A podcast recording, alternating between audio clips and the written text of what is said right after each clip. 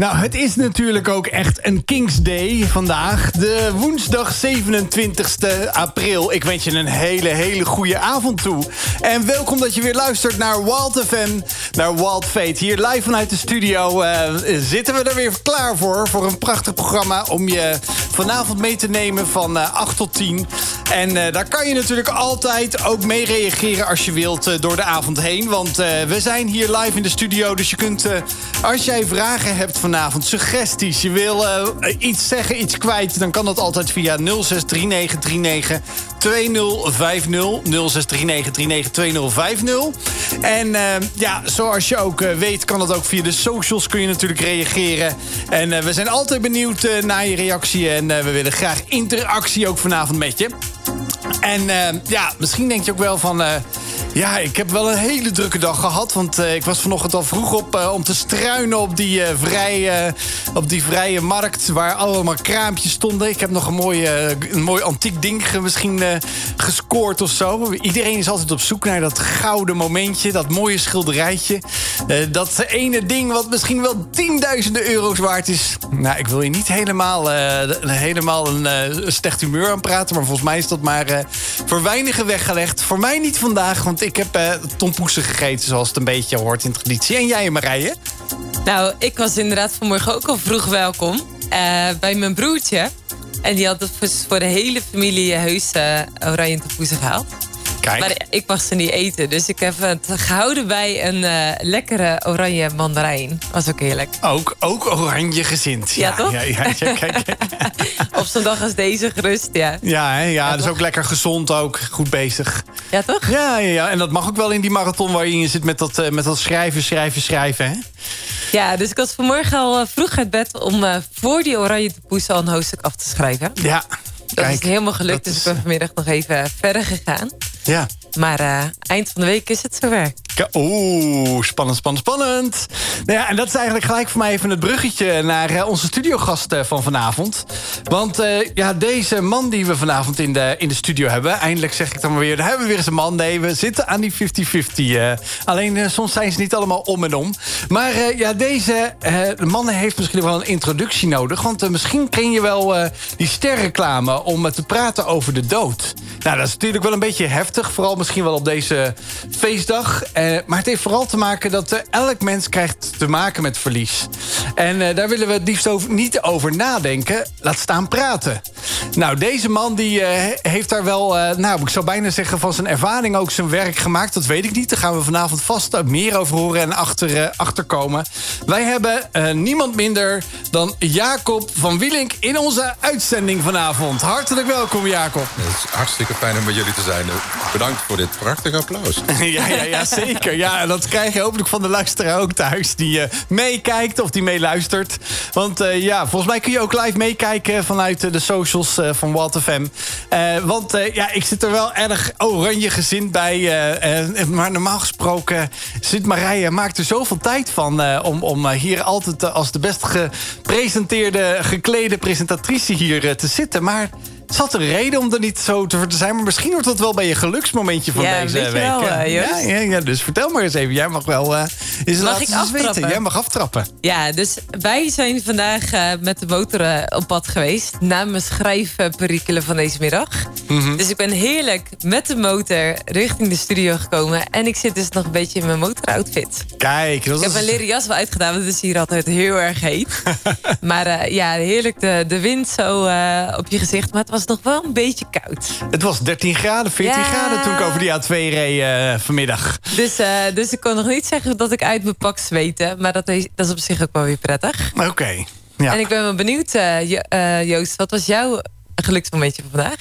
Nou, niet vandaag. Die komt nog binnen nou, een kleine 12, 14 uur. Want uh, dan ga ik morgen een uh, dagje naar de wellness met mijn vrouw. Ah, kijk. Dat is heerlijk. ja, ja, en ik ben ook heel benieuwd of Jacob ook nog iets heeft te delen met ons en de luisteraar thuis. Jazeker. Ik heb een geweldig geluksmomentje gehad vandaag. Een geluksmoment. Kijk. Want mijn vrouw en ik zijn met uh, hele goede, lieve vrienden van ons... naar het uh, Krullenmullen Museum geweest en hebben samen gegeten. Nou, een dag doorbrengen in vriendschap. Wat is er mooier. Prachtig. Klinkt goed. Krullenmullen Museum? Ja, op, uh, op de, het Nationaal Park de Hoge Veluwe. En wat, wat is een krullenmul? Uh, Krullenmuller is de oprichter van het museum.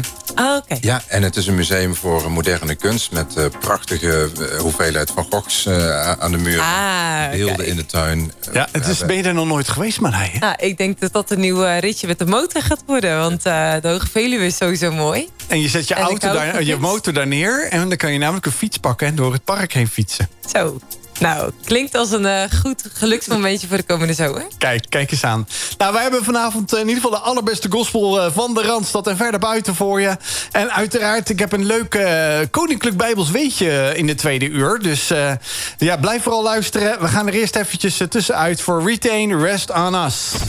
Vanuit Amsterdam komen we naar jou. jou. jou. Dit is Wild FM. We zitten vanavond met Jacob van Wielink in de studio. En misschien ken je hem nog niet. Maar als je eens op bol.com of op je favoriete boekenkoopwebsite gaat kijken... en je typt zijn naam in, dan zie je al diverse titels op zijn naam staan. Vaak met co-auteuren vertelde hij zojuist... omdat hij graag met mensen samenschrijft. Um, maar uh, afgelopen maand is zijn achtste boek uitgekomen. En het boek heet De Achtste Dag... Wat bijzonder trouwens. Achtste boek en de achtste dag. Dat is toevallig. Eh, de titel is niet gekozen omdat het het achtste boek is. Dat ontdekten we eigenlijk pas later. Oh, wat grappig. en wanneer ben je begonnen met het schrijven van boeken, Jacob? Uh, mijn eerste boek heb ik geschreven in 2007. Dus dat is alweer een kleine 15 jaar terug. Ja.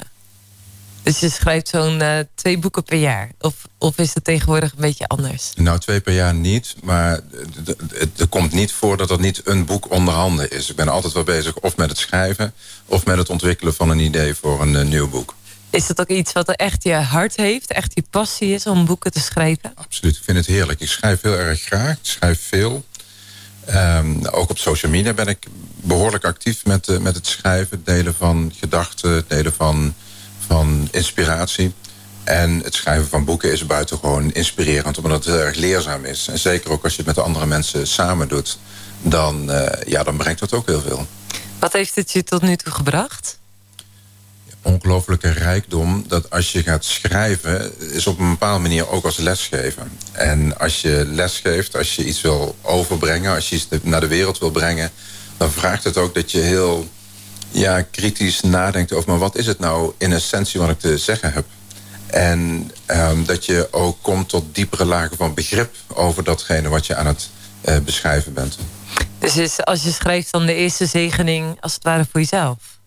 Dat je eerst die mijmering zelf hebt... en eigenlijk tot de kern komt voor jezelf voordat je hem over kunt dragen. Ik denk dat dat uh, waar is. Ja, ja dus je moet denk ik de eerste schrijver tegenkomen die zegt ik doe dat alleen maar voor de ander. Nee, het is natuurlijk een, een inwendig proces. Uh, het moet ook in jou rijpen en in jou groeien. Uh, en, en juist daardoor kan het ook rijk worden voor de lezer. Ja, mooi. vorige week hadden we hier Marlies Medema. En zij is ook auteur. Ze is bezig met de tweede roman te schrijven. En toen hadden we een poll uitgezet. Wie wilde nu graag een boek schrijven? En er was eigenlijk heel erg veel op gereageerd. Dus het zou zomaar kunnen zijn dat mensen luisteren en echt denken... wauw, Jacob, acht boeken. Hoe ben je ooit met de eerste begonnen? En, en misschien ook wel een stukje voor inspiratie voor de luisteraar zelf. Van ja, wat als je dus inderdaad merkt... ik heb zoveel inspiratie of ik wil zo graag iets delen. Wat was voor jou de eerste stap om een boek te gaan schrijven? Ja, de eerste stap die was op een bepaalde manier toevallig. Nou geloof ik helemaal niet in, in toeval dat dingen zomaar gebeuren. Ik zie overal wel in dat daar leiding in is hoe dingen ontstaan. Maar het, toevallige effect was een collega in 2007... die gaf me aan dat er een onderdeel van een handboek geschreven moest worden... over verlies en rouw, uh, dat thema, in organisaties. En uh, zij had er zelf geen tijd voor en zei, zou jij dat willen doen? Nou, zonder dat ik precies wist waar ik ja tegen zei... ben ik begonnen en toen ik begon te schrijven... dat was ook met een co-auteur toen werd ik zo ontzettend geraakt door het onderwerp. En ontdekte ik dat daar uh, heel veel over te lezen en te ontdekken is. Maar dat er eigenlijk ook nog maar heel weinig over geschreven was. Ja, en dan heb je het over 2007. Ja, 2007. Dat was ook het eerste boek wat er verscheen over precies die combinatie van hoe gaan men in organisaties nou om met de thema's verlies en organisatieverandering. En dan niet gerelateerd aan de dood, maar al die andere uh, vormen van verlies die we in het leven tegenkomen. En kun je daar wat voorbeelden geven? Uh, oneindig. Hoe, we hebben twee uur, hè? Ja, ja. moet wel een beetje muziek tussendoor komen. tussendoor. Ja. Om even de boel te laten zien, Christel. Ja, ja, nou, je bent natuurlijk... Natuurlijk is het logisch dat mensen, als het woord verlies valt... dat ook het woord de dood uh, naar voren komt. En, en dat is het meest in het oog springen, het meest grote verlies wat een mens wellicht in het leven kan leiden. Maar denk aan zo oneindig veel dingen. Iemand die gaat scheiden. De kinderen die het huis uitgaan. Teams op het uh, werk die worden samengevoegd. En dat je afscheid moet nemen van een oud team. Of een ABN AMRO die overgenomen wordt door Fortis. Daar heb ik in mijn tweede boek uh, over geschreven. En ook mensen over geïnterviewd die dat mee hebben gemaakt. En over de pijn en het ongemak die daarmee gepaard gaat. Maar denk bijvoorbeeld ook uh, een bedrijfsongeval of iemand op het werk die wel overlijdt. Dat is natuurlijk ook verlies op het werk. Denk aan iemand die ontslagen wordt. Of als er hele afdelingen boventallig worden verklaard. Wat voor verlieservaringen dat oplevert. Nou, de sky is the limit als we denken over wat een mens in het leven kan verliezen. En als het gaat over organisaties ook, wat de impact is op organisaties. Ja, ik, kan me dat ook wel voorstellen. Dus ik zat vorige week met een uh, ondernemer aan tafel. En uh, ik ben bezig om een evenement te organiseren van zijn bedrijf... dat 35 jaar bestaat. En toen deelde hij ook over al het personeel... wat hem door de jaren heen ook ontvallen was. Ja. En hij schoot echt helemaal vol. Gewoon hoe dat het hem ook raakte. Dat dat mensen waren die hem ook een soort van toevertrouwd waren. En wat hem nog steeds raakte... dat hij die along the way ook verloren was. Ja. Ja, dan raak je meteen een heel mooi, een mooi verhaal, ontroerend verhaal ook. Dus je zegt daarmee en hij zegt daarmee, je gaat, in het, je, je hecht, gaat je hechten in het leven. Aan niet alleen aan mensen, ook aan mensen, maar ook aan het werk. En ook aan teams en aan groepen. Aan dromen en idealen. Maar ja, het vervelende van het leven is... alles waar je ooit aan hecht, zul je ook weer verliezen. Ik, ik denk nog zelfs aan uh, huisdieren. Huisdieren, ja, een hele belangrijke. Ik bedoel, uh, zo.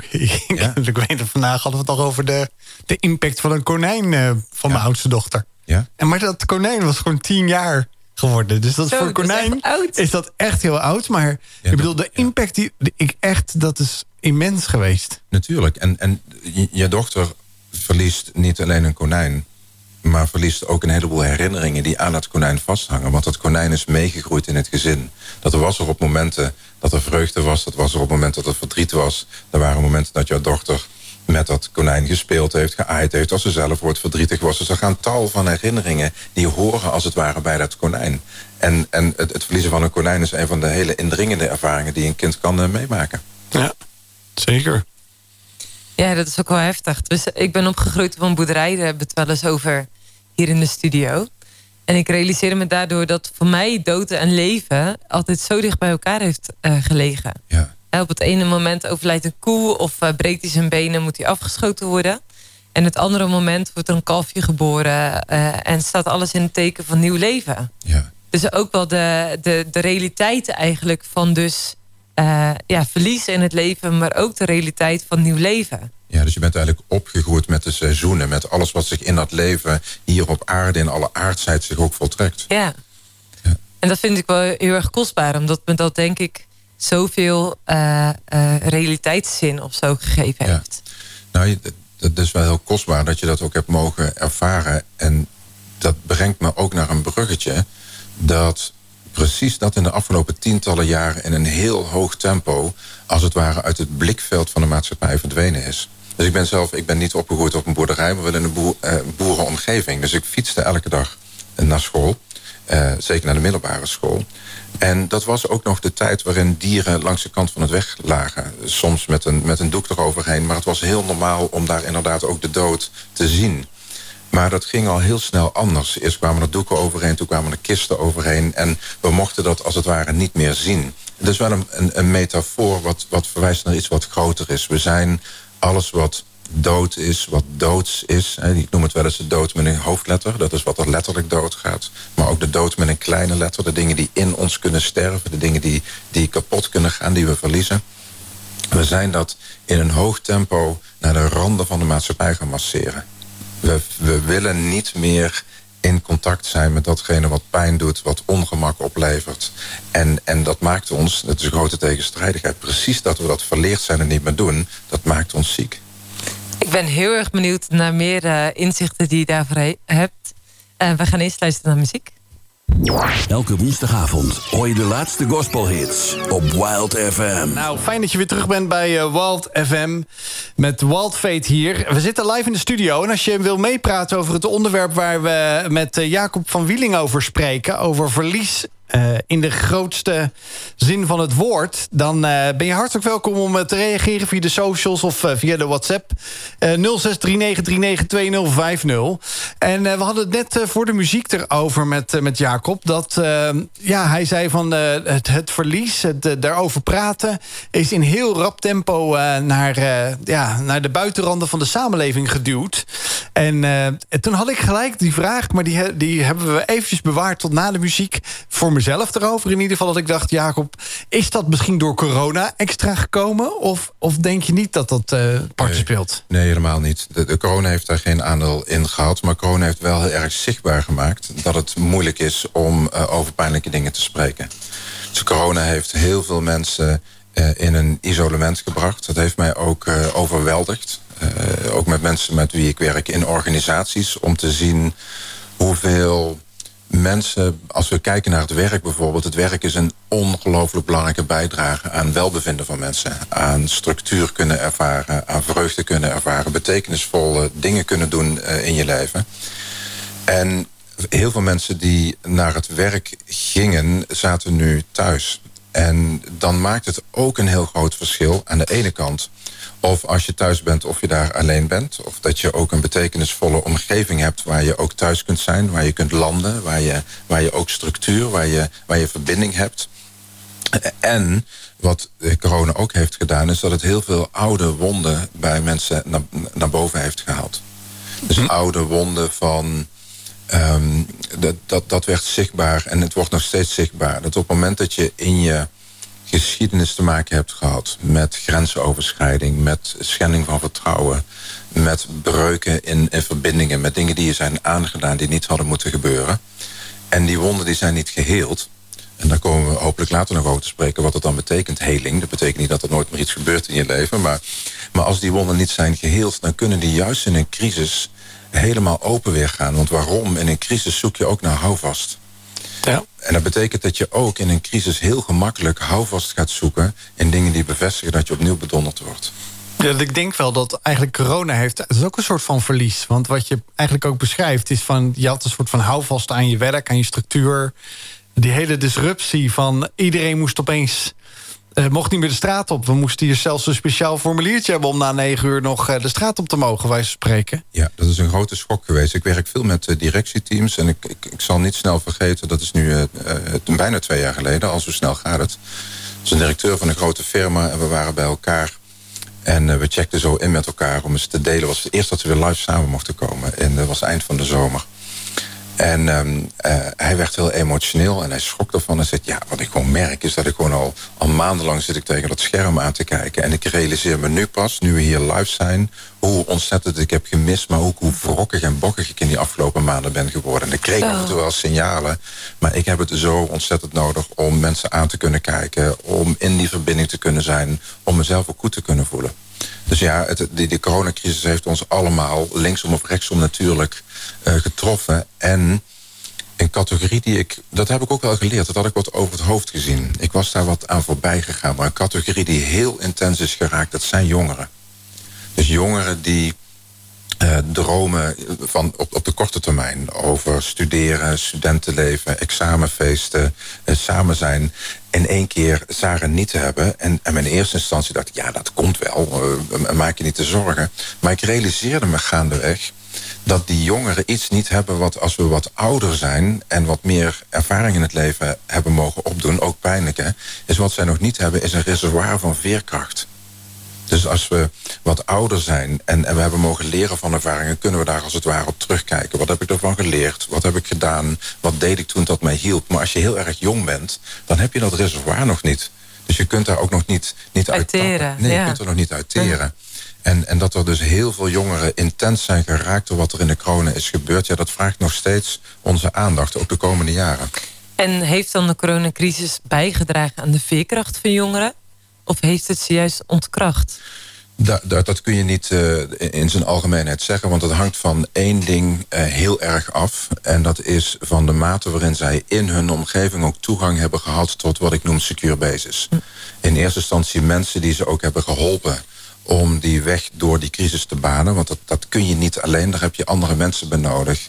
En is dat een secure base? Iemand in je omgeving die dat voor jou schept? Nou, een secure base is iemand, als ik het heb over mensen... dat is iemand die twee dingen doet. Die aan de ene kant ervoor zorgt dat je verbinding kunt ervaren... dat je welkom bent met alle emoties die er zijn... met alle ervaringen die er zijn.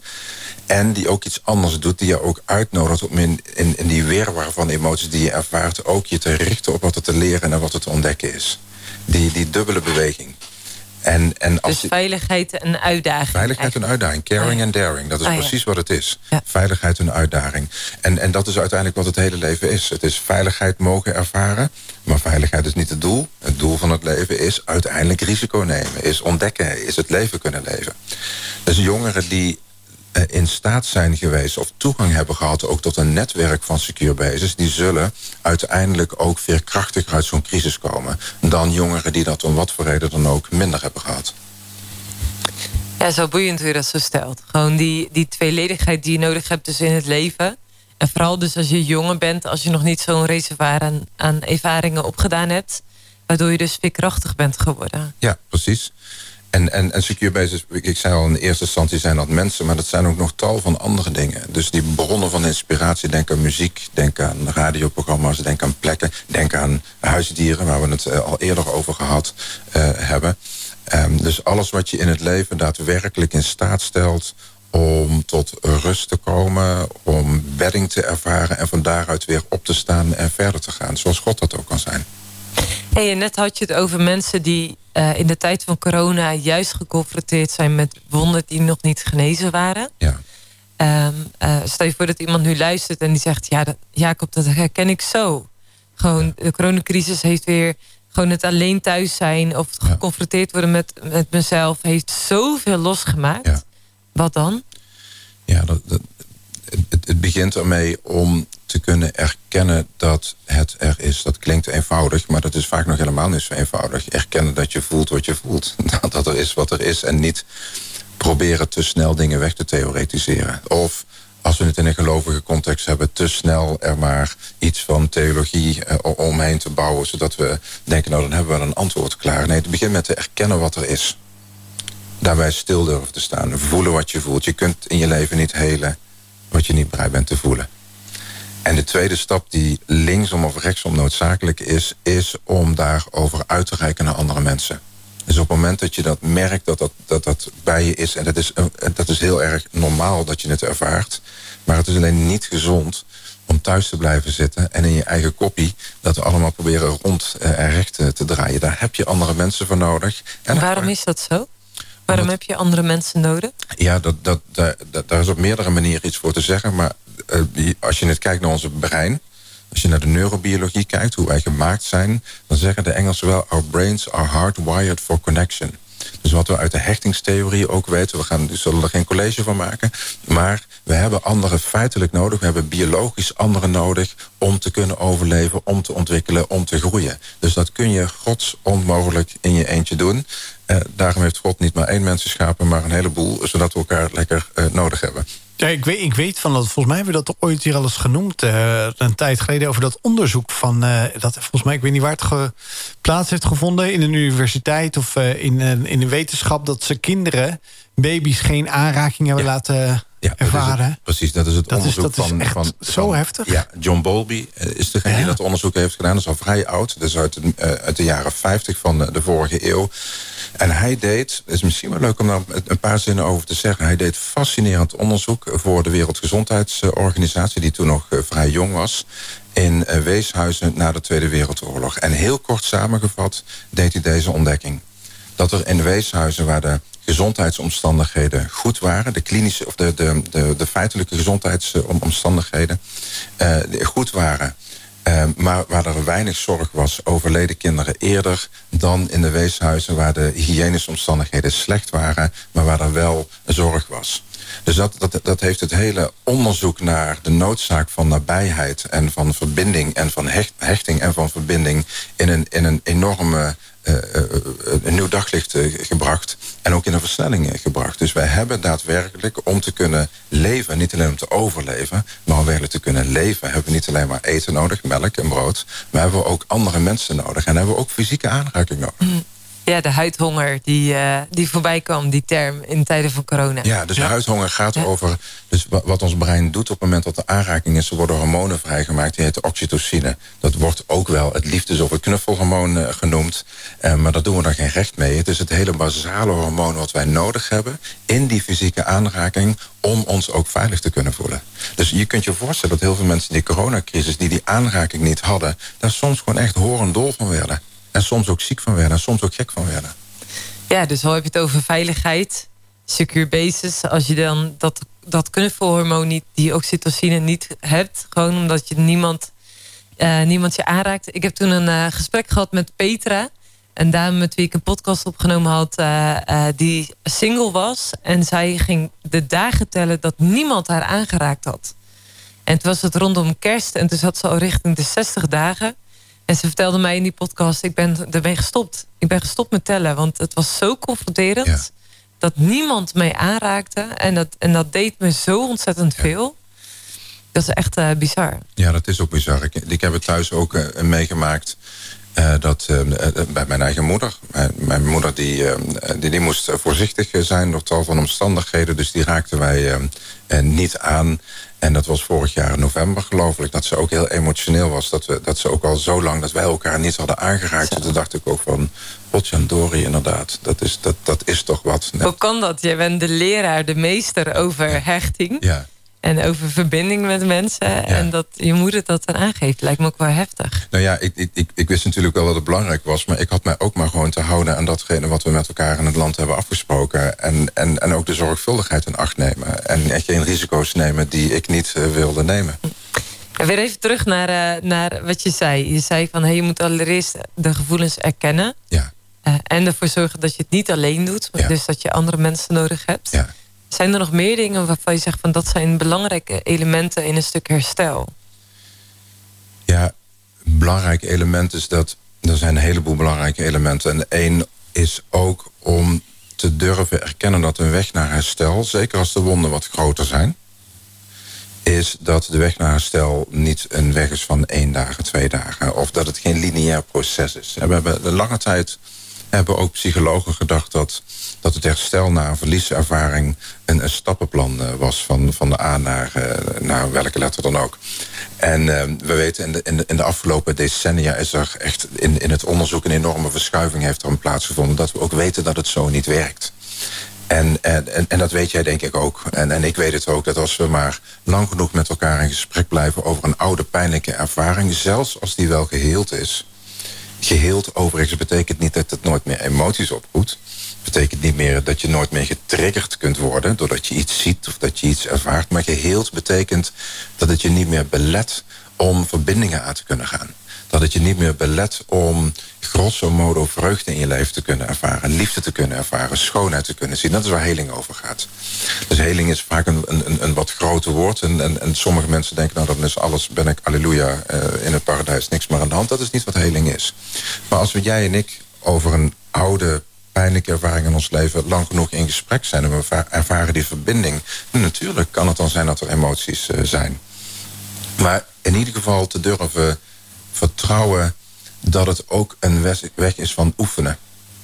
En steeds opnieuw hulp vragen. En dat ook elke fase van het leven weer zijn eigen uitdagingen heeft. Soms kan een oude wond geheeld lijken. Maar bijvoorbeeld als je een vader bent verloren of een moeder bent verloren. En dat kan door de dood zijn. Kan ook door een echtscheiding zijn. Kan zijn door een ouder die geen contact meer met je heeft of wil. Of jij die geen contact meer kan of wil hebben met een van jouw ouders. Dan komende momenten. Denk bijvoorbeeld aan, aan afstuderen of aan trouwen of aan een kind krijgen of aan belangrijke ja, groeiervaringen... dan kan het in één keer zomaar opspelen dat je denkt van... Ik, nou, ik, ik, dacht dat ik daar klaar mee was. Ik dacht dat ik daar niet zo'n last meer heb. Maar dan kan het in één keer vol in je gezicht zich weer aandienen. Dus elke levensfase heeft zo zijn eigen vragen... die ook weer om een ander antwoord uh, vragen. Kun je daarmee zeggen dat het thema rouw grillig is? Zeker, het is een heel grillig proces. Het is veel meer wat we tegenwoordig uh, zien en wat we ook wel zeggen, is het, is, het niet een stappenplan van A naar B... maar het is veel meer een slingerbeweging. Een voortdurende slingerbeweging zou je kunnen noemen. Dus aan de ene kant, de, dat heet wat technisch de verliesoriëntatie... maar dat is zeg maar bezig zijn met wat zich in het verleden heeft afgespeeld. Alle, met alle pijnlijkheid die ook rondom een ervaring uh, heerst. En aan de andere kant wat we noemen de hersteloriëntatie. Dat gaat meer over de toekomst vormgeven. Je zou het kunnen vergelijken, en dat vind ik altijd buitengewoon rijk uh, en dat geeft ook iets weer waarom het zo lang duurt... is als je kijkt naar dat hele oude verhaal van het volk van Israël. Wat uit Egypte naar Israël gaat. Nou, uh, als je naar die kaart kijkt uh, van het Midden-Oosten... dat is met een beetje mazzel en wat doorlopen... ben je in twee weken heb je die oversteek wel gemaakt. Maar we weten dat ze er 40 jaar over deden. En in die 40 jaar, als je dat verhaal gaat ontleden... is buitengewoon inspirerend en ook heel leerzaam. Ook voor ons over hoe wij misschien wel wat de richtingwijzers mogen eh, vinden in hoe je met, eh, met verlies omgaat. En ook bemoediging dat juist die, die reis een op- en neergaan is. Dat is aan de ene kant verlangen waar je naartoe gaat, ook weten waar je heen gaat. Melk en honing en, oh, en zon en, en, en, en, en bedenken hoe mooi het leven kan zijn. Maar aan de andere kant soms ook terug verlangen naar het oude leven, terwijl je ook weet dat het oude leven helemaal niet zo leuk was. Helemaal niet zo goed was. Ook ons brein doet hele fascinerende dingen. Dus eh, omgaan met rouw, rouw vormgeven. Ik noem rouw ook wel leren landen in het leven. Het, het leven dat zich voor jou uitstrekt. Ja, dat is als in een slinger. Dat is als in een slinger. En het kan gebeuren dat je, dat je bijvoorbeeld... Misschien herkennen luisteraars dat ook wel als je een verlies hebt gehad... dat je op een maandagochtend kunt denken... nou, nou, ik heb er wel, wel zin in. Ik ben er wel klaar voor, voor deze dag, voor deze week. Je hebt een mooie dag. En op dinsdagmiddag zit je thuis en denk je dit was echt een afschuwelijke dag. Ik trek de gordijnen dicht. En uh, ik wil er even helemaal niks mee te maken hebben. En dat dat zo naast elkaar kan bestaan, dat kan ook heel verwarrend zijn. Dus een rouwen kan soms ook heel veel verwarrende gevoelens op, eh, oproepen. Ik ben wel benieuwd, uh, Jacob, wat ook jouw ervaring is ook met, met het thema rouw. Ja. Um, wat je net zegt over het volk van Israël. Als iemand luistert en die zegt, volk van Israël vertrokken van Egypte naar, uh, naar het beloofde land. Wat is dat? nou, als je het, uh, de Bijbel bestaat uit 66 boeken. En het eerste Bijbelboek eindigt met het feit dat er hongersnood is in Israël. En dat uh, nou, Jozef met zijn familie naar Egypte gaat... omdat daar de graanschuren vol zitten met, met graan. echt een fantastisch verhaal om te lezen. Wat je vervolgens ziet is dat het volk van Israël zo groot werd, de nakomelingen van Jacob, dat, uh, dat het uiteindelijk een heel groot volk wordt. En uh, de, de Egyptenaren ze als slaven inzetten om steden te bouwen en onder andere. En dan uh, worden ze verlost vanuit de slavernij om naar Israël uh, te gaan. En daar waar Jacob net zegt van hey, dat zou normaal een reis zijn van twee weken, werd dat inderdaad een reis van 40 jaar. Wil je dat lezen, dan kun je Exodus lezen. Uh, dat is het tweede Bijbelboek van de Bijbel. En uh, ja, daar kun je echt alles lezen over hoe dat werkt. Hoe het werkt om processen aan te gaan. Want er lopen heel veel parallellen waar jij en ik ons vast en zeker in kunnen herkennen. Maar we gaan nu eerst luisteren naar muziek voordat we terugkomen bij Jacob en zijn ervaring met rouw. Welkom terug bij uh, Wild FM met Wild Fate hier. We zijn hier live vanuit de studio en uh, je kunt reageren via de socials of uh, via onze studio WhatsApp 0639392050. En als je nou graag deze muziek ook wil beluisteren, dan kan dat via Spotify, want daarop staat de Wild Fate de playlist en niet met THE maar DE de playlist. En dan kan je al deze muziek deze gave gospel kun je ook luisteren. Want de Lion is wel heel gaaf, want uh, Wild FM heeft ook een uh, tak uh, Wild Fate onder de Wild Foundation. En die Wild Foundation die heeft een hele mooie leeuw voorop de pagina staan op de homepage. Dus daar zou ik je zeker willen vragen of adviseren om eens even te gaan kijken naar de wildfoundation.nl. En ja, wij gaan zo meteen naar de officiële plichtplegingen, want dit station moet ook roken en we moeten dit allemaal onderhouden hier. Zodat we jullie altijd hier vandaan eh, live kunnen bijpraten over de dingen die gebeuren. Ook over het verwerken van verlies, wat we vanavond hebben met Jacob van Wieling. Hij heeft ook een waanzinnige oeuvre aan boeken, waaronder het achtste boek. De, dat mogen we ook weggeven. Dat kun je via de socials, via de story van Walter Fam, kun je daar je naam achterlaten. En onder de winnaars maken we een, een, een onder de gegadigden maken we een winnaar bekend. De vorige keer met de papieren paradijs hebben we ook reacties gehad. En die is ook weggegeven aan iemand. Dus die wordt via de uitgever rechtstreeks naar diegene toegestuurd. Gefeliciteerd daarmee. En uh, ja, wij eh, gaan er heel even tussenuit voor de commercials. En uh, we zijn zometeen bij je terug over dat Koninklijk Bijbelse weetje. Dus blijf vooral eventjes hangen en tot zo. Heb jij de Wild Face Shows al gehoord op Wild FM? De nieuwste gospelsongs en een goed gesprek. Gewoon hier op Wild FM. Luister elke woensdag en zondagavond mee van 8 tot 10. Deze radioshows worden mede mogelijk gemaakt door de Wild Foundation. De inspiratie en het enthousiasme van de Wild Foundation komt van Jezus. Om iedereen lief te hebben en mensen die het minder hebben te helpen. Ongeacht hun geloofsovertuiging, ras of andere factoren. Steun de Wild Foundation. En doneer op wildfoundation.nl. Welkom terug bij Wild Fate hier bij Walt FM. De woensdagavond staat altijd in het teken van een interessante studiogast uh, die we hier hebben, of gasten. Maar over het algemeen is het er één, omdat we dan uh, lekker door kunnen praten over een uh, bepaald onderwerp of onderwerpen die ja, hem of haar dicht aan het hart liggen. En dat is vanavond Jacob van Wielink over ja, het thema verlies. Want ik in het begin zei al een rouwexpert, maar ja, hij zegt ik weet niet of ik die titel wel helemaal zo op mijn naam wil hebben geplakt. Maar, maar goed, het maakt niet uit, eh, Jacob. Ik ben heel benieuwd wat je het tweede uur eh, met ons, eh, met ons gaat delen. Ik ook. Ja, en natuurlijk hebben wij weer jullie vanavond gevraagd voor een bepaald iets. En dat is natuurlijk, laat maar eens eventjes horen. Kom maar met je mening. Ja, Marije, wat zijn onze luisteraars hun mening? Nou, de poll die vanavond uitstond is... het vermijden van pijn leidt, leidt tot ziekte... En uh, ik weet niet of dat de pet van de mensen er heel erg naar stond... om vandaag over pijn en ziekte na te denken. Uh, want het is Koningsdag en uh, wellicht de verf op het gezicht... en de gezelligheid ten top, zeg maar, op, op de pleinen. maar uit de poll kwam dat 50% zegt... ja, het vermijden van pijn leidt tot ziekte. En de andere 50% zegt... nee, dit leidt niet tot ziekte. Nu hebben er niet veel mensen gereageerd. Dus ik ben benieuwd, Jacob uh, wat is jouw ervaring ermee? Uh, met die poll? Eh, of, ja, met uh, zeg maar, wanneer mensen pijn vermijden. Ja, ja. Is dat dan iets ook wat ziekte teweeg kan brengen? Ja, ja. Dus, dus de poll is... Um, de, degene, de 50% die zeiden dat het niet zo is... die zitten er helaas naast.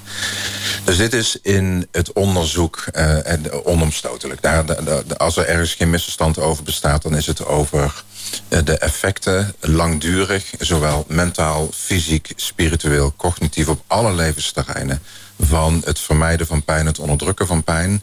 De prijs die daar wordt voor betaald is ongehoord. En ik, kan er tal van voorbeelden van noemen.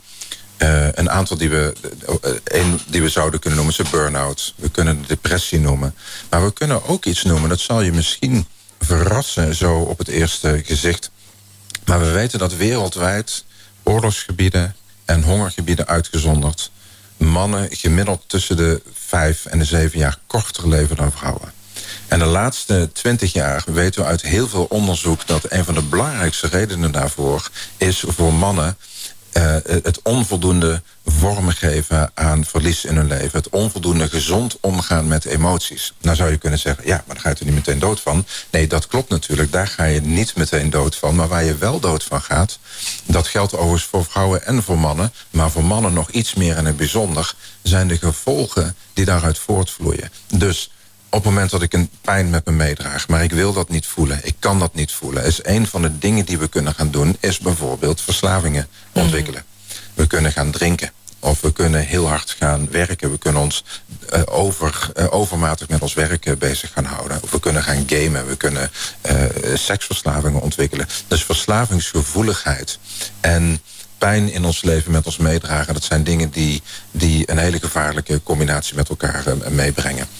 En de laatste jaren zien we ook toch een toename aan het aantal suicides, ook in het Westen. We zien ze in het wereldwijd, maar zeker ook in het Westen. En um, daar is ook het onvoldoende vorm kunnen geven... onvoldoende de weg weten te vinden met die meer pijnlijke aspecten van het leven een hele belangrijke bijdrage bij. Dus het vermijden van pijn leidt tot, tot de dood. Het leidt bijvoorbeeld ook de Wereldgezondheidsorganisatie... zegt al jaren de doodsoorzaak nummer één uh, wereldwijd is eenzaamheid.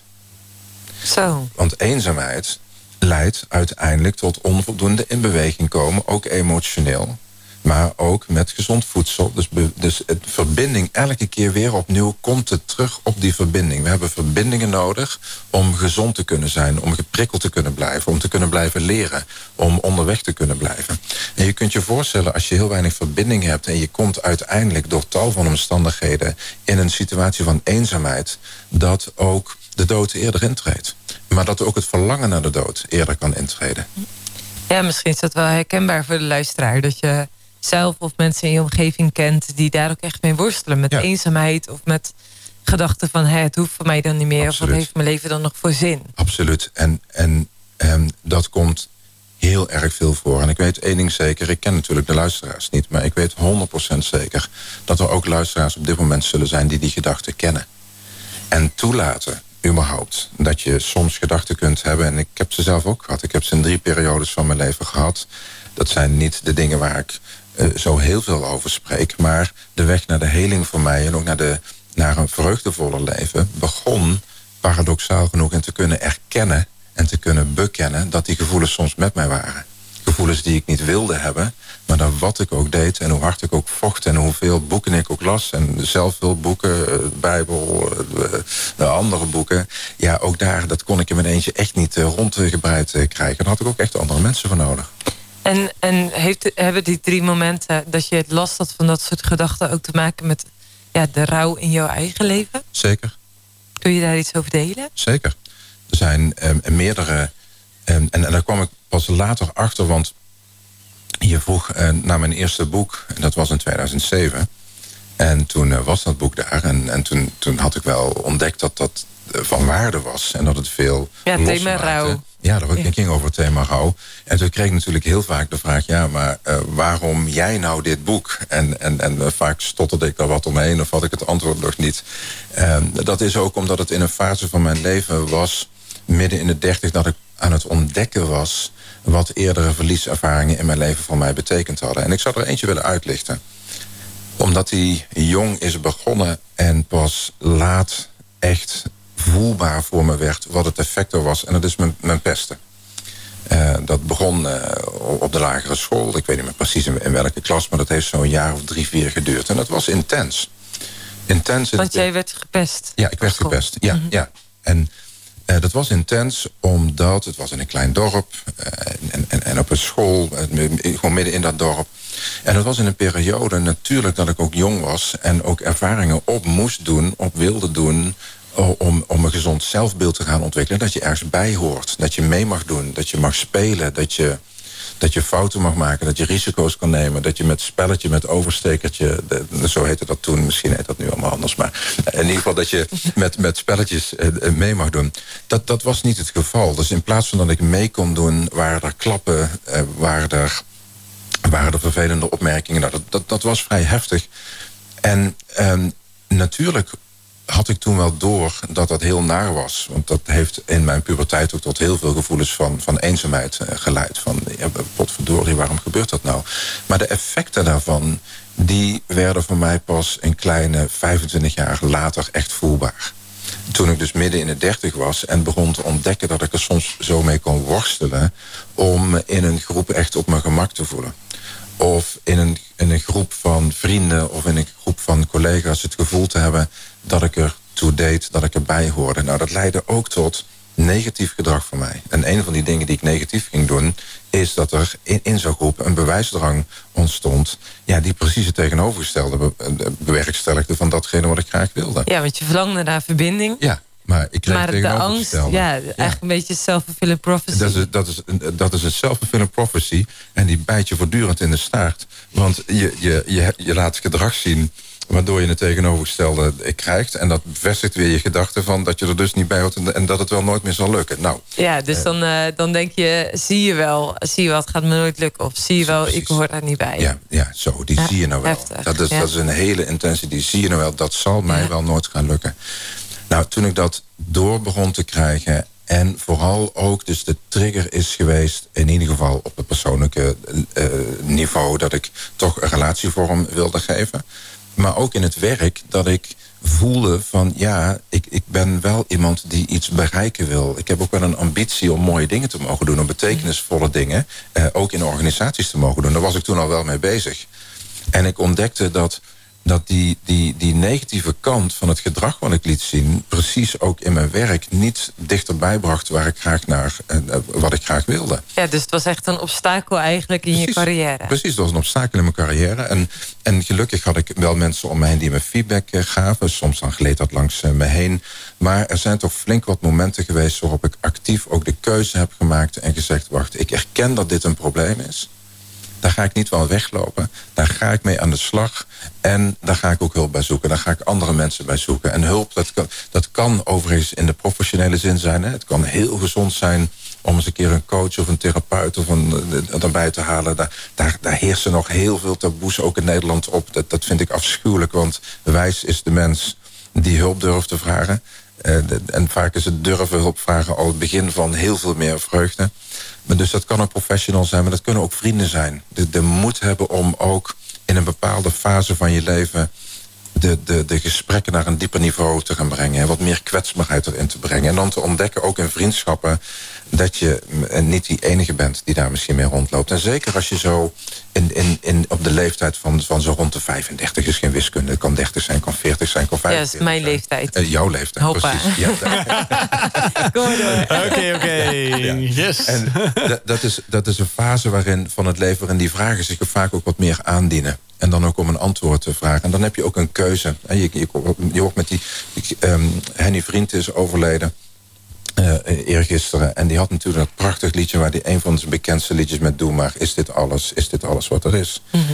En, en dat is een hele fundamentele vraag... die in zo'n periode van het leven zich kan aandienen. Is dit nou echt alles wat er is? Of is er meer voor mij? En is dat weer meer voor mij? Dat brengt ons ook vaak terug om te onderzoeken... maar wat zijn er ook de wonden in mijn leven... die ik nog met me meedraag... en die tot heling gebracht willen worden? Ja, ik weet wel uh, dat ik in 2018 dat proces wel bewust aangegaan ben. Ja, hoe, hoe heb je dat gedaan? Nou, ik, ik, ben, ik ben een persoon uh, van alles of niks. Hmm. Uh, mensen die mij kennen, die weten dat ook wel van mij. Dus ik ben een coachopleiding gaan doen. Prachtig. Want ik dacht, ja, de confrontatie met een coach... daar ben ik benieuwd, wie, wie zou ik dan kiezen? Wist ik eigenlijk niet zo goed.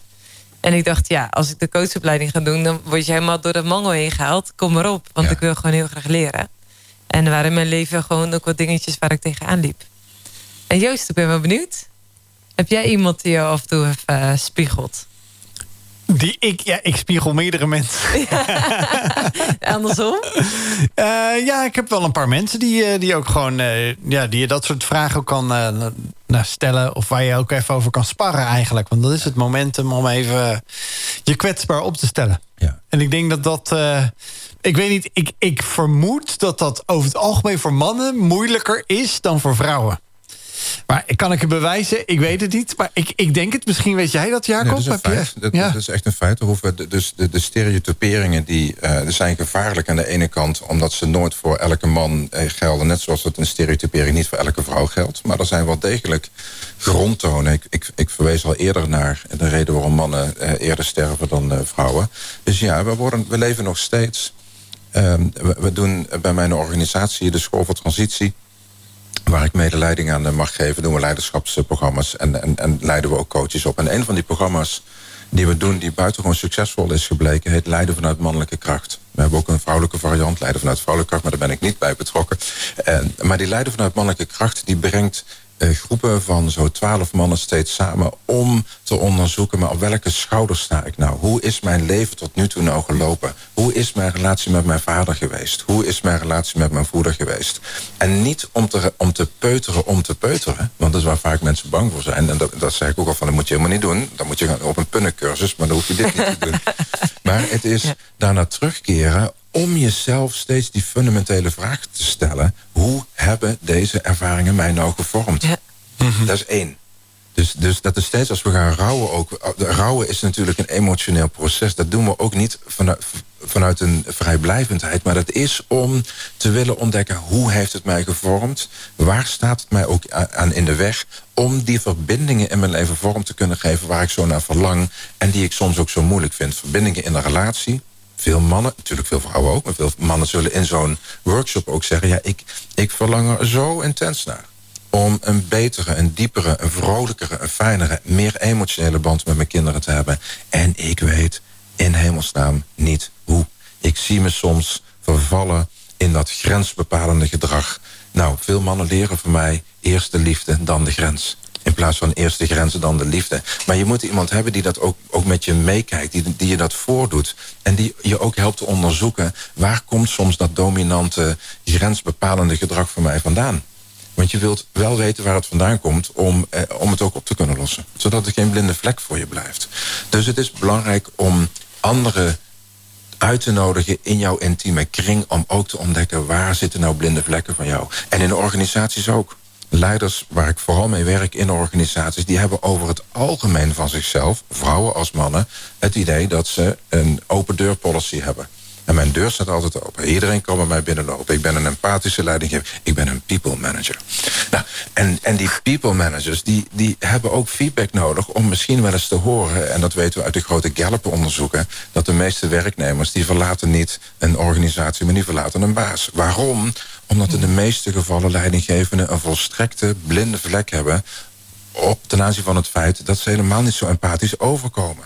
Dat die deur helemaal niet zo open staat en dat ze wel denken dat ze toegankelijk zijn. Zoals de meeste ouders dat ook van zichzelf denken. De meeste ouders denken van zichzelf, ik ben toegankelijk, mijn kind kan alles met mij bespreken. Maar onderzoeken onvoldoende wat ze laten zien wat, er, wat anderen ervan weerhoudt... om ook daadwerkelijk met ze te delen wat er gedeeld moet worden. En dat wil je wel leren. Nou ja, ik wil niet bepalen voor een ander dat hij dat moet willen leren... maar ik denk dat het heel gezond is om te leren. Maar bovenal als je dat gaat leren. En dat is vaak een pijnlijk proces. Het is niet leuk. Het gaat er niet over dat het leuk is. Maar het, het is een pijnlijk proces. Maar het is een vreugdevol proces. Dus ik, ik, mag, ik vind het heel interessant, Jacob, wat je nou eigenlijk deelt. Ik, denk, ik zie mezelf als leidinggevende. Ik zie mezelf als vader.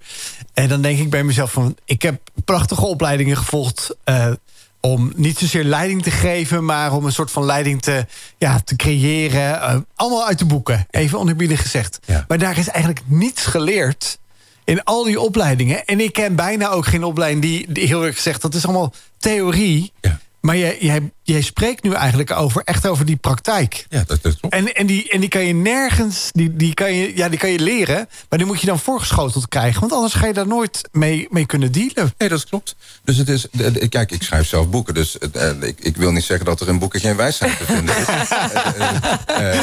uh, allemaal naar bol.com. Maar, maar je, hebt, je slaat natuurlijk de spijker op de kop. Uiteindelijk leer je, net zoals dat je je geloof niet leert alleen uit de Bijbel. Mhm. Je kunt nog zo prachtig geïnspireerd raken door die verhalen. En dat is belangrijk. En, en, en voelen dat daar iets te vinden is wat waarachtig en echt is. En je zult andere mensen nodig hebben die jou ook van vlees en bloed laten zien hoe dat dan werkt, hoe dat dan kan. Je kunt het prachtig horen over, of lezen over, nou, uh, Jezus is liefde, God is liefde.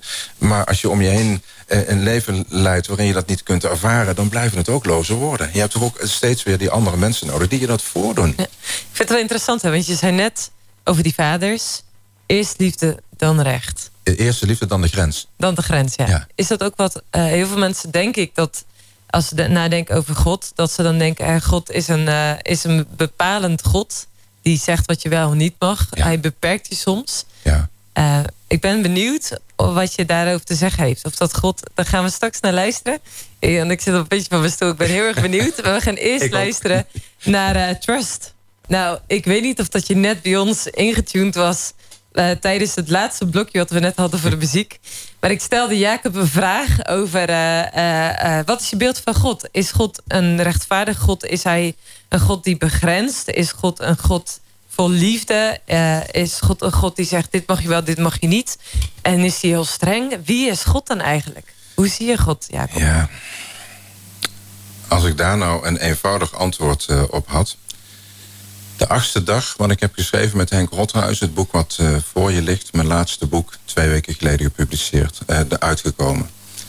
Daarin, de achtste dag waar Jezus je leven raakt. Daar schrijven we in de inleiding ook dat het beeld van God... mijn beeld van God, en ook Henk beeld God, maar hij is nu er niet... dus mijn beeld van God enorm is veranderd en gekleurd... en heeft meebewogen door de tijd.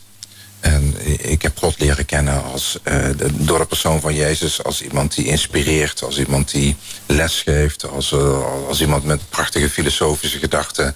als een vriend. Dat is in deze fase van mijn leven veel meer.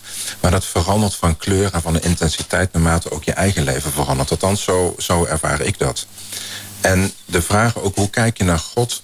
Kun je, en dat is wat we in, in, in het boek ook je in acht hoofdstukken in mee willen nemen... kun je niet loszien van hoe het in jouw eigen gezin is gegaan. Hoe, dus op het moment dat je, dat je wilt weten hoe jouw blik op God de Vader is, dan heb je ook te onderzoeken, ja, maar hoe heb ik door mijn eigen vader op aarde een beeld van God gekregen? Hoe liet hij zich als een vader aan mij zien?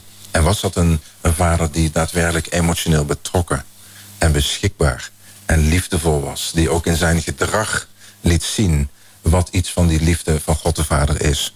Nou, ik geef je het op een briefje. Op het moment dat je die ervaring hebt mogen hebben in je, in je gezin van herkomst, dan zal dat een hele positieve, potentieel positieve bijdrage hebben. Hoe je ook naar God de Vader in de hemel kijkt. Maar als je een vader hebt gehad die met de straffende hand emoties wegdrukte, zeiden dat ze niet welkom waren, die jou misschien sloeg of die jou vertelde wat je moest doen in plaats van luisterde naar wat jij te vertellen had die het wel had over een liefhebbende God... maar thuis jou de mond snoerde... en ook liet zien dat hij zijn vrouw, jouw moeder, niet zo lief had...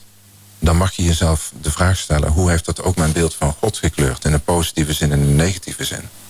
Want we doen beide dingen met God. We projecteren onze eigen beelden, die projecteren we op God... en we denken dan dat dat God is in, de, in positieve zin kan het zijn, ehm, maar het kan vooral ook in negatieve zin eh, zijn. Dus wij kunnen soms ook een, een straffende God eh, ontmoeten, omdat we dat op aarde als concreet voorbeeld eh, gehad hebben. En hoe kun je dat uh, schaven naar het beeld van wie God echt is? Ik denk dat er geen andere weg is dan de weg van Goede Vrijdag, Stille Zaterdag en Pasen. En dat is waar het in, het, in, in, in mijn boek ook over gaat.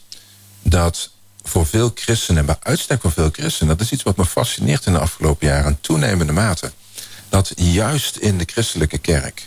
we het ongelooflijk lastig vinden om het te hebben over Goede Vrijdag. En dat bedoel ik niet in theoretische zin... maar over jouw Goede Vrijdag. Je vertelde net Goede Vrijdag is, uh, is de, ja, de vrijdag van Pasen, van het paasweekend. Ja, de vrijdag voor Pasen. Dus op Goede Vrijdag, en voor de luisteraars die denken, waar, waar gaat het over?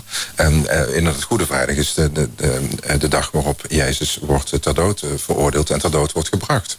Ja, Goede Vrijdag. Ja, waarom is het een Goede Vrijdag? Ja. Een Joodse naam voor een dag die nou niet echt bepaald getuigt van heel veel frisheid en vrolijkheid. Nee. Maar waarom is het goed? Misschien komt hier wel de essentie samen van waar rouwen over gaat. Waarom is dat goed? Het is goed omdat op het moment dat we in staat zijn met behulp van anderen te kunnen kijken naar in ons leven wat ons gekwetst heeft, wat ons gebroken heeft, wat ons op onze knieën heeft gebracht. En we niet te snel proberen te zeggen, uh, dat, uh, op Pasen staat Jezus op, ja, Jezus is voor ons opgestaan, heeft het allemaal voor ons gedaan, we hoeven niet meer terug te zijn, we, we kunnen dat allemaal aan hem laten. Nee, dat, dat is plat. Dat is een platte, een platte saus die we eroverheen gieten... die meer pijn doet dan uiteindelijk goed. Want iedereen zal in zijn leven met zijn eigen Goede Vrijdag klaar moeten komen. Je zult met je eigen Goede Vrijdag in het rijden moeten komen. Waar is het in mijn leven kapot? Waar zit in mijn leven mijn scheuringen, mijn trauma's, mijn pijn? En die kun je niet wegredeneren. Dus het is eerst Goede Vrijdag en dan Pasen. Dus rouwen is toestaan dat dat in jouw leven ook daadwerkelijk het feit is. Iets wat we al eerder in het interview bespraken. Dat je zegt het is zo belangrijk om te erkennen. Ja. Dat dingen in je leven spelen. Dat dingen in je leven gebeurd zijn. Ja. En zonder erkennen zal er ook geen he heling plaatsvinden. Het is gods onmogelijk. Er bestaat geen heling zonder te erkennen wat er in je leven heeft plaatsgevonden. En zonder te voelen wat je voelt. Alleen het is fascinerend in deze maatschappij. Waarin als je kijkt naar bijvoorbeeld psychiater Dirk de Wachter. Ja. Die zegt we zijn zo zoekend naar geluk. Ja. We willen alleen maar gelukkig zijn. Dat we misschien wel juist erom alle rauwheid, uh, wat je zei, de maatschappij uitgemasseerd hebben. Spijker op de kop. Ja. Dus we willen zo graag gelukkig zijn dat we niet doorhebben dat die, die extreme focus... en veel jonge gezinnen die worstelen daar zo intens mee. de, mhm. de, jonge echtparen die ik in mijn praktijk ontmoet... die na een aantal jaren huwelijk tot de ontdekking komen dat ze het, het gezin hebben gemanaged, de kinderen naar de hockey zijn, uh, op een goede school terecht zijn gekomen of niet, uh, de eerste probleempjes hebben overwonnen, maar ontdekken dat ze zo bezig zijn geweest met het maken van dat perfecte plaatje en van binnen kapot staan, gaan en de verbinding met elkaar daar niet meer over kunnen ervaren.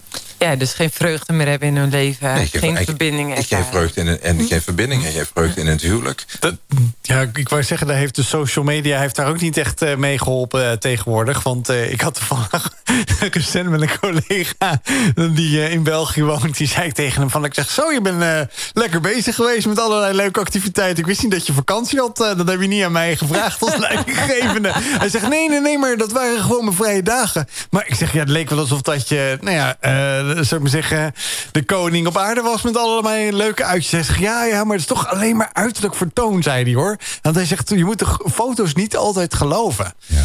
En dat, dat, is eigenlijk ook een beetje zoiets van, dat is dus dat plaatje wat mensen willen hebben voor de buitenwereld, zeker, toch? Zeker, en, en er is natuurlijk helemaal niks mis mee om, om, om fijne en, mooie dingen te delen. Ja, er zijn ook mensen die delen elke dag op Facebook dat de, de postbode te laat is geweest. Ik denk, goh, ja... De, de, de, de, de ochtendkrant is te laat. Hang een keer een verrassing voor hem aan de, aan de brievenbus. Ja, dus Gewoon uh, lekkere, lekkere oranje tompoes. Een oranje tompoes, ja. ja het is maar wat je wil zien in het leven. Het is maar waar je op wil richten. En natuurlijk is er helemaal niks mis mee om te delen wat je inspireert. Uh, maar er is ook niks mee om te delen wat je soms de, de pijn doet en wat je kwetsbaar is. Als je kijkt, de meest bekeken um, TED, TED Talk, hè, die, die inspiratiepraatjes op, op, op, op YouTube. YouTube ja. De meest bekeken is in de geschiedenis de kracht van kwetsbaarheid. Van Brene Brown. Van Brene Brown. Die is miljoenen keren bekeken. Dus, en, en haar boek, De kracht van kwetsbaarheid... is ook een, een must-read nadat je de achtste dag hebt uh, gekocht. Ja. Is, is, een, is een fantastisch boek waarin ze... Of, of heb gewonnen bij... Of, ja, ja, ja, gewonnen bij Reageer even via de poll van, uh, van uh, Waldefem. Ja. Als je daar je naam invult, maak je inderdaad kans op het boek... het laatste boek van, van Jacob. Ja, ja. En, van harte. En uh, Brown die, die gaat ons daar een prachtig in voor. En dat is ook wel leuk als ik met directieteams werk. En, en dan heb ik het over kwetsbaarheid. En dan lezen ze ook dat boek en dan, kijken ze elkaar. Is belangrijk. Ja, het is in onze organisatie echt belangrijk dat we kwetsbaar kunnen zijn. Want ja, dat is natuurlijk mensen moeten zich thuis voelen. En dan stel ik die eerste vraag: zullen we eens wat gaan delen over wat eh, voor ons ook kwetsbaar is? Ja, nee, dat, dat is natuurlijk niet voor nu. Ja, ja. Dus, dus, dus we, willen het graag voor de ander. Ja. En we zien de noodzaak er wel van. Maar we vinden het zo moeilijk om het in ons eigen leven vorm te geven. Dat is overigens ook niet erg. Want kwetsbaarheid is ook een reis van oefenen, oefenen, oefenen. En nog meer oefenen. En, maar het is belangrijk. Zonder kwetsbaarheid geen verbinding. Ja, nou, eh, over een kwetsbaar gesprek gesproken. Jij hebt uh, vorig jaar een eh, gesprek gehad met uh, dokter Edith Eager. Ja. En ik ben erg benieuwd naar uh, jouw bevindingen met het, het uh, ja, met het interview met haar. We zijn live in de studio met, ja, met echt een prachtig gesprek. Dit raakt me telkens weer als we, als we nadenken over de thema's waar we het over hebben.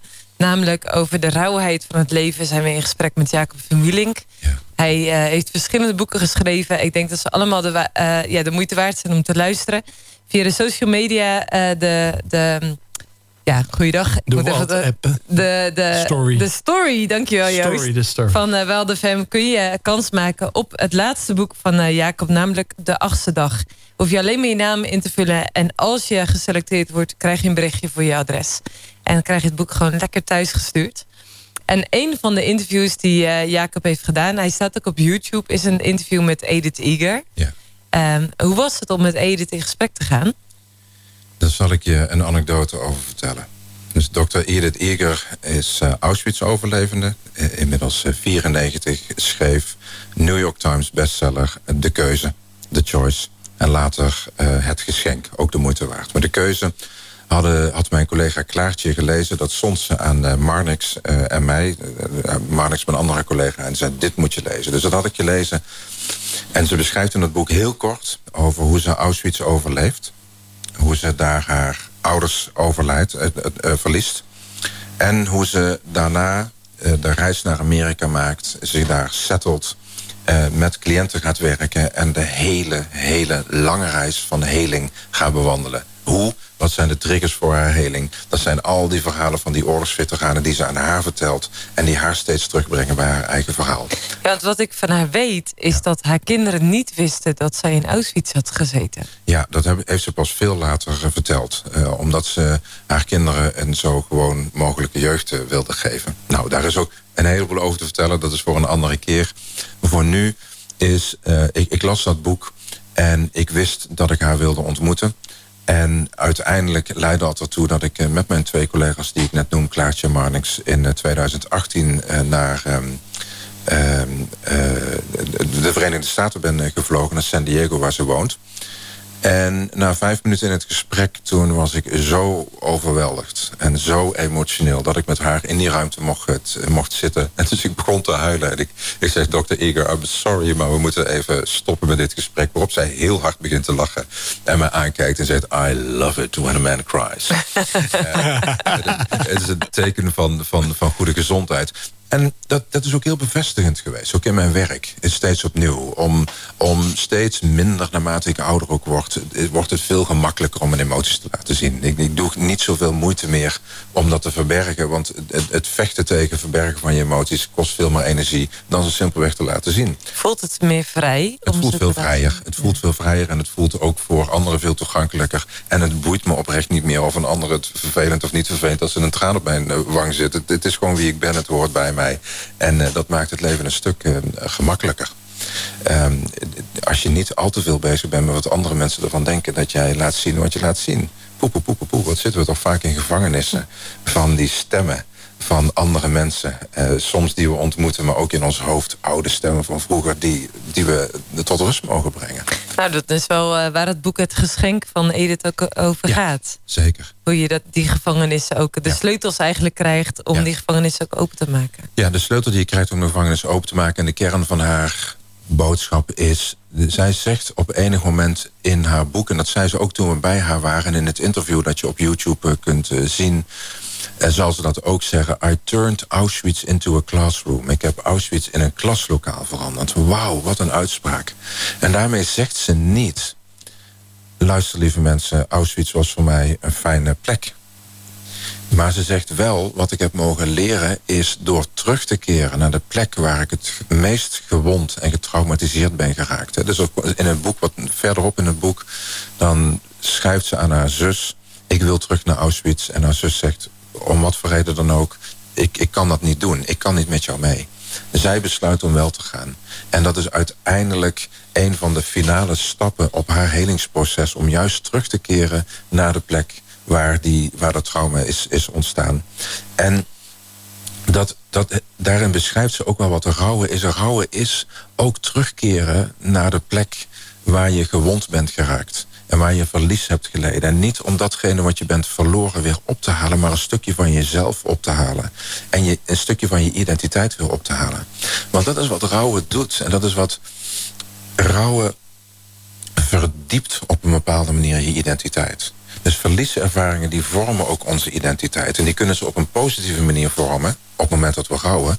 Maar die kan ook op een negatieve manier gevormd worden... op het moment dat we niet rouwen. Dus te te weten wat je, wat je verliezen zijn en erover kunnen houden, bepaalt je veel dieper en veel essentiëler bij je identiteit. En daarmee ook, in het vervolg daarop ook, bepaalt het je ook bij je roeping.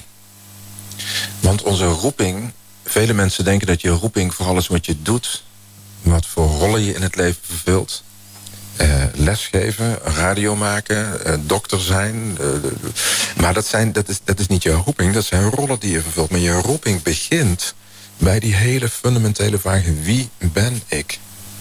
En als ik die vraag nu aan jou zou stellen, Joost, ik zou hem aan jou stellen, Marije, dan, dan, dan, dan zul je daar waarschijnlijk iets over vertellen wat je aanwijzingen hebt. Maar er is ook een grote kans dat je er toch even bij na moet denken. Van ja, ja wie ben ik? Ja, ik ben Joost. Ja, ik ben, met sommige christenen zeggen ik ben een geliefd kind van God. Dat is allemaal waar. En er is nog meer. Er is ook iets wat jou bijzonder jou maakt. En, en te weten wie je bent, dus die eerste vraag van de roeping, wie ben ik? De belangrijkste aanwijzingen daarvoor vinden we gek genoeg niet door alle succesverhalen in ons leven, maar precies naar daar waar we in het leven gewond zijn geraakt. En niet alleen daar waar we gewond zijn geraakt, maar of we ook onze wonden vruchtbaar hebben kunnen maken. Zodat wat, wat, er, wat er gebeurt op het moment dat je je wonden niet vruchtbaar maakt, dus dat je ze niet bewerkt, dat je niet het, het laat een, een weg laat zijn om te ontdekken wie je bent, dan zul je uiteindelijk ontdekken dat anderen zullen moeten blijven bloeden voor de pijn die jij niet wil blijven aankijken.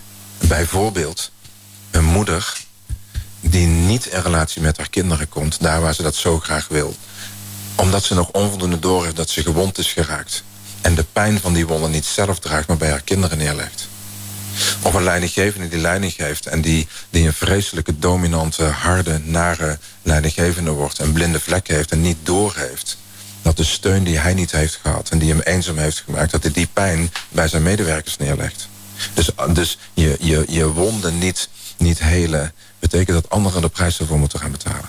Ja, en je uiteindelijk niet in de verbinding staat met mensen, met anderen waar je eigenlijk zo naar verlangt. Ja, en, en dat je bijvoorbeeld cynisch wordt. Mensen die cynisch zijn, uh, nou ja, wil jij graag met mensen in, langer dan vijf minuten in de bus zijn die chronisch cynisch zijn? Nou, ik denk dat ik met een grap of een grol probeer het om te keren, maar ja. Dat is vaak een onbegonnen zaak. Ja, dat is een onbegonnen zaak, precies. Omdat iemand die cynisch is, daar gaat geen vreugde van uit. En iemand die chronisch cynisch heeft, draagt veel pijn met zich mee... waar hij niet over gehouden heeft. Even voor mij een, een, de vraag die ik heb dan, eh, Jacob... die misschien ook wel bij de luisteraar leeft... maar, maar eh, misschien zit ik daar zelf ook wel ergens mee. Wat, wat is nou de eerste ding wat ik kan doen? Wat is het eerste ding waar ik... Um, ja, dat, dat turnaround moment moet hebben. Wat, wat, wat, wat moet ik doen? Ja, het begint, um, het begint toch in de meeste gevallen met een wilsbesluit. Met een wilsbesluit om te zeggen... Vandaag is de dag. Van, ja, van, ja, vandaag is de dag. En niet vandaag is de dag. Want dat is een, een hele goedkope... Nou, dat doen we een andere keer. De dag is altijd. Ja, vandaag is de dag. En wel, ik ben vandaag gedoopt. Dus morgen heb ik geen pijn meer bijvoorbeeld. Ja, dan kan het zo zijn dat je denkt dat je tien jaar lang toewerkt naar je doop. En dan ben je s ochtends wakker en denk je... shit, maar ik heb nog steeds een trauma.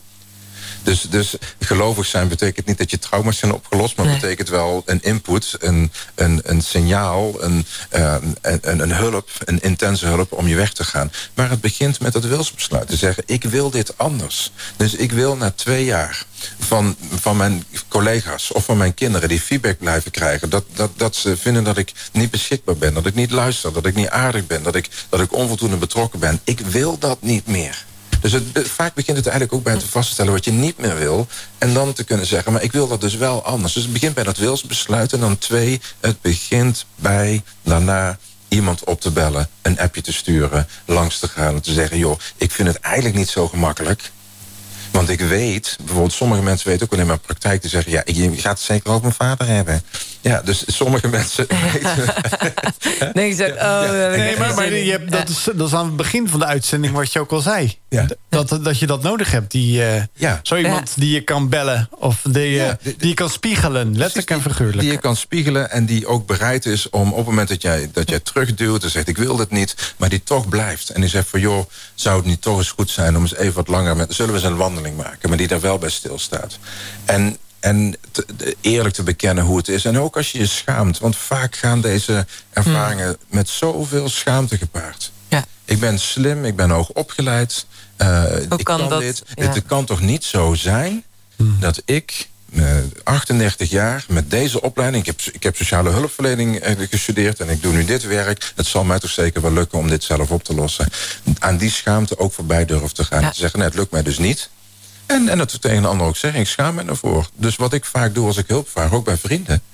En dat doe ik echt heel geregeld. Want er zijn voldoende... Mijn leven is geen paradijs alleen. Ik leef een heel vreugdevol leven. Ik leef mijn roeping en daar ben ik dankbaar voor. En er zijn heel veel dagen waarop het minder gaat dan andere dagen. En er zijn ook momenten waarop ik vrienden bel. En zeg, joh, ik schaam me er eigenlijk voor dat ik dit moet delen. Ik vind het eigenlijk helemaal niet leuk. Maar wil je eens met me meekijken? En wil je me dan ook laten horen wat ik te horen heb, wat ik te zien heb? Zodat ik weer die volgende stap eh, kan maken. Ik vind het zo mooi, uh, in jouw interview met Edith uh, zei ze ook als ik voor een klas sta met leerlingen, dan schrijf ik allereerst op het bord I can't. Ja. Vervolgens uh, veeg ik de apostrof en de T weg. Ja. I can. Waarom? Because I think I can. Ja. En je stap voor stap. Gewoon beginnend bij die eerste stap. En dat is, eigenlijk ook wat je zegt. Zo is het. Het beginnen bij die eerste stap. En te weten dat er een, dat zegt Edith Ego zo mooi. Er zit een sleutel in je zak. Ja. En er is er linksom of rechtsom, wat er ook in je leven heeft plaatsgevonden. Hoe ernstig het ook is, hoe heftig het ook was. Hoe hopeloos je situatie soms ook kan lijken. En ook als het wat lichter is, ook als het niet hopeloos is. Er is er maar één die die sleutel uit je zak kan halen. En dat ben jij zelf. Niemand anders gaat het doen. Je kunt heel je leven verspillen. En er zijn er miljoenen, ook in Nederland, die verspillen tientallen jaren. We wachten totdat ze opgehaald worden door iemand anders. We wachten totdat ze gered worden door iemand anders. Zich suf bidden totdat ze gered worden. Maar onvoldoende bereid zijn om die sleutel uit de, uit de zak te pakken... andere mensen op te bellen en te zeggen... en ik wil het met jou samen gaan doen. Nou, een prachtig slotakkoord voor uh, dit interview. Wij kunnen zo nog twee uur met jou vullen, uh, Jacob. Ja, nou, dan kom je nog een keer terug in het najaar... Uh, met je, als je negende boek uh, gelanceerd ja, is. Ja, dat is helemaal leuk. Ja, dus, um, mocht je het interview met Edith Eve Eager willen terugzien... dan kun je dat vinden um, op YouTube bij de School voor Transitie is de video um, uh, zeker de moeite waard om te luisteren. Wil je nogmaals kans maken op het boek De Achtste Dag... Um, waar Jezus je leven raakt... dan kun je naar de story gaan van, uh, van uh, en je naam invullen en daar maak je dus kans op het boek. En anders zou ik zeggen, bestel hem... of bestel uh, een van de, de andere boeken van Jacob van Wielink. Absoluut een aanrader. En ja... Ja. Ik vond het eh, heel verrijkend. En als je later aangehaakt bent bij het interview... morgen komt de podcast online... En kun je het hele interview nog eens rustig naluisteren. Ik wil je hartstikke bedanken, Jacob, om ons eh, mee te nemen... in uh, ja, een stukje achtergrond over verlies. En uh, nou ja, we hebben al gezegd, wordt vervolgd. Want uh, het is zeker interessant om uh, je nog een keer uit te nodigen. Want volgens mij kunnen we nog over veel meer doorpraten. Um, nou ja, en ik zou zeggen, nou, tot de volgende keer in ieder geval. En mocht je nu het denken van, wow, ik moet het nog een keer horen. Ik zie dat Jacob nog één uitsmijter wil geven aan de luisteraar. dus ik zou zeggen, ja, ga je gangen Jacob. En dan zien we je voor, dan, dan hoor je ons volgende week weer met een geweldige kunst, uh, kunstenares uh, Hanne van Dries, uh, die is hier dan. maar jij mag het hier nou, de, de uitsluiter is dat ik jullie wil bedanken voor de moed om dit onderwerp vandaag op de agenda te hebben in deze uitzending. En voor de buitengewoon warme ontmoeting ook vanavond. En de uitsmijter is dankjewel. En dat is ook een belangrijke oefening. Zoek elke dag al is het nog zo klein, al is het met een loop, zoek elke dag iets wat, waar je dankbaar voor bent en spreek het hardop uit.